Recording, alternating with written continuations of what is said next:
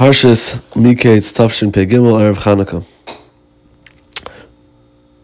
Let's focus a little bit on a uh, an episode here, one of the most famous mises in the Torah that had ramifications to Klal many, many years later, and let's try to get an insight into the Shvatim, which of which we have come out no understanding of. We can believe, you know,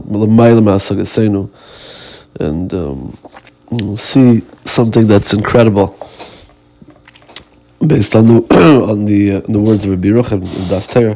This is actually not in the Maimarim, but it's something to um, something that we can focus on here, something that's of of invaluable insight. It's an amazing, amazing insight into the Shvatim.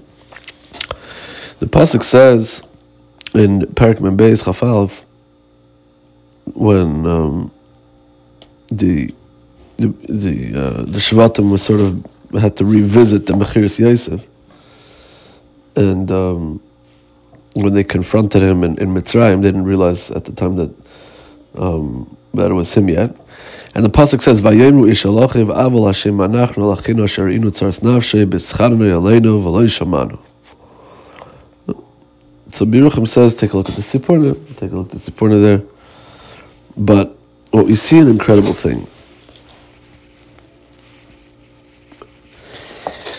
If you look at the words carefully, you see something fascinating. The Shvatim said among each other, Aval Hashem, what did they regret here? What, what was their regret? What was their, what was, what caused them angst, so to speak, in, in, this with this realization of that they're going to have to go and bring Binyamin and the, the, whole the whole situation that came out with with uh, Yosef, who they did not know was Yosef at the time, and this whole confrontation. What what what they what they regret?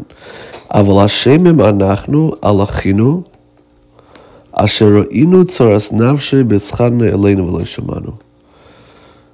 You look very carefully, or not even very carefully, you look at the words, and there's no regret on the Mechiris Yosef. They don't regret selling Yosef. They said, anachnu, we are Hashemim, we are at fault for what? Alachinu on our brother Yosef, asher inu tzaras nafshe, we saw his tzaras nafshe. Bischarne elenu v'lo shamanu, that we, we acted with Achzarius. What did they, how did they act with Achzarius? However, they acted with Achzarius, but they didn't. The the the, the Charata over here doesn't mention anything about the actual Mechira.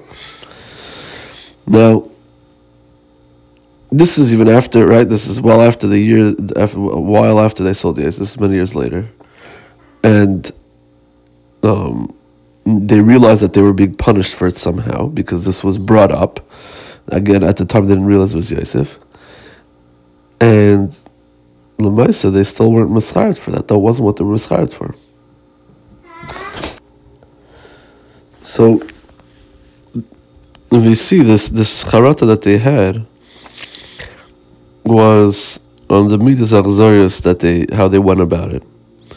And now, but what, what you do see, Rabbi Yochanan says that it's not that they their charata that they had over here for the realization of what they did wrong was missing. There was a real charata on what they did, but not the actual mechira.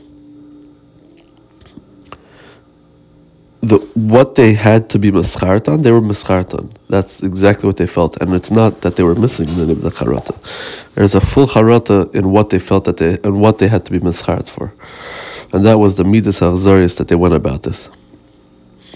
The, he brings that the there's philosophers apikarsim that they uh, make mention of them of the shvatim. Look at the achzarius. They look at the look at how they acted, and he says, you know, how can you even think about thinking of, these sort of machshavas? We're talking about the greatest of tzaddikim that were mechanach, he says, by the grandfather of Ramavinu, who had the type of rachmanis he had on every traveler, on Arabs that he never saw in his life, who ended up being malachim, on tzdaim that were the worst of Rishayim. He did davened for them.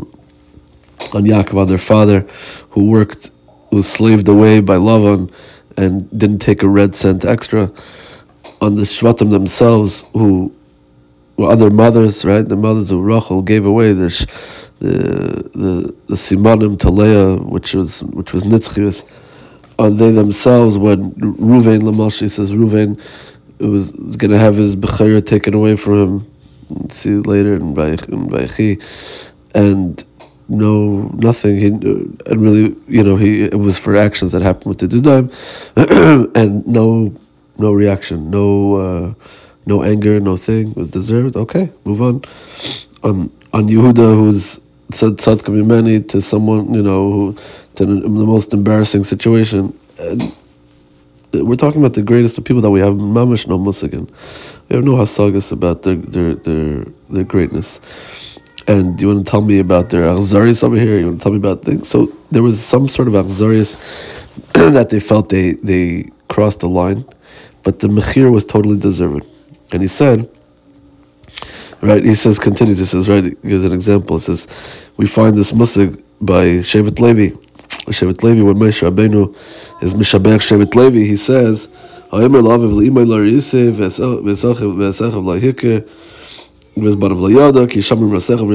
we know that's talking about the fact that they went ahead and killed the um, the Chayte Egel, the Chayte Chayte Egel. And the pshat in that is, it's not that they, it's not a grace of shvach. If that's your nature, if you uh, get upset and you carry out, you know, your your your desires through because of your anger, that's not a big shvach what is a shvach is if you go against your nature to do something when you don't think what which something that it's, you don't feel you're capable of doing, but because it's the right thing to do, you do it. That's something that's really shvach, right? Shevet Levi was able to be kavish, the rachamim, their hageshim, to go and do what they did because of kvayt shemaim. That was the same thing with the shvatim. The rest of the shvatim here with Mechiras Yosef. There was a din that they felt, like Chazal say, Rashi brings, that they felt that Yosef was was mechuyev what he was mechuyev, and the way they went about it, there was a way, an element there that they felt that they, they shouldn't have done, and they were mischard for that. And he says that's Takad Pshat in the pasuk. He says the supporter says earlier in Lamed Zayin. Last six parshat says they threw him into the bar, right? And then what happened? Why? How are they able to do that? We're, we're talking about the biggest Achzorim, Chalida B'chas. We're talking about people that were very, very confident in what they did, that it was the right thing to do, and that was something that they had to do despite not wanting to do it necessarily. Right? Despite their nature to do so, they did the right thing, and they continue on lachalacha. Why? Because if if any big tzaddik, right, would, would tzaddik, any of the greatest tzaddikim would realize something that they did was maybe wrong, they would fast tanesim and have siguf from who knows what to atone for what they did. Even if they did the slightest thing wrong. Here, they were so confident with what they that the, what they did was right.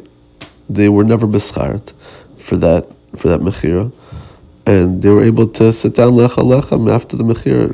Chas v'shalom, not because of their their um, their their midas, but fakart the midas that they were kavish in order to do what they had to do, and that's and that's because of um, that's because of their greatness.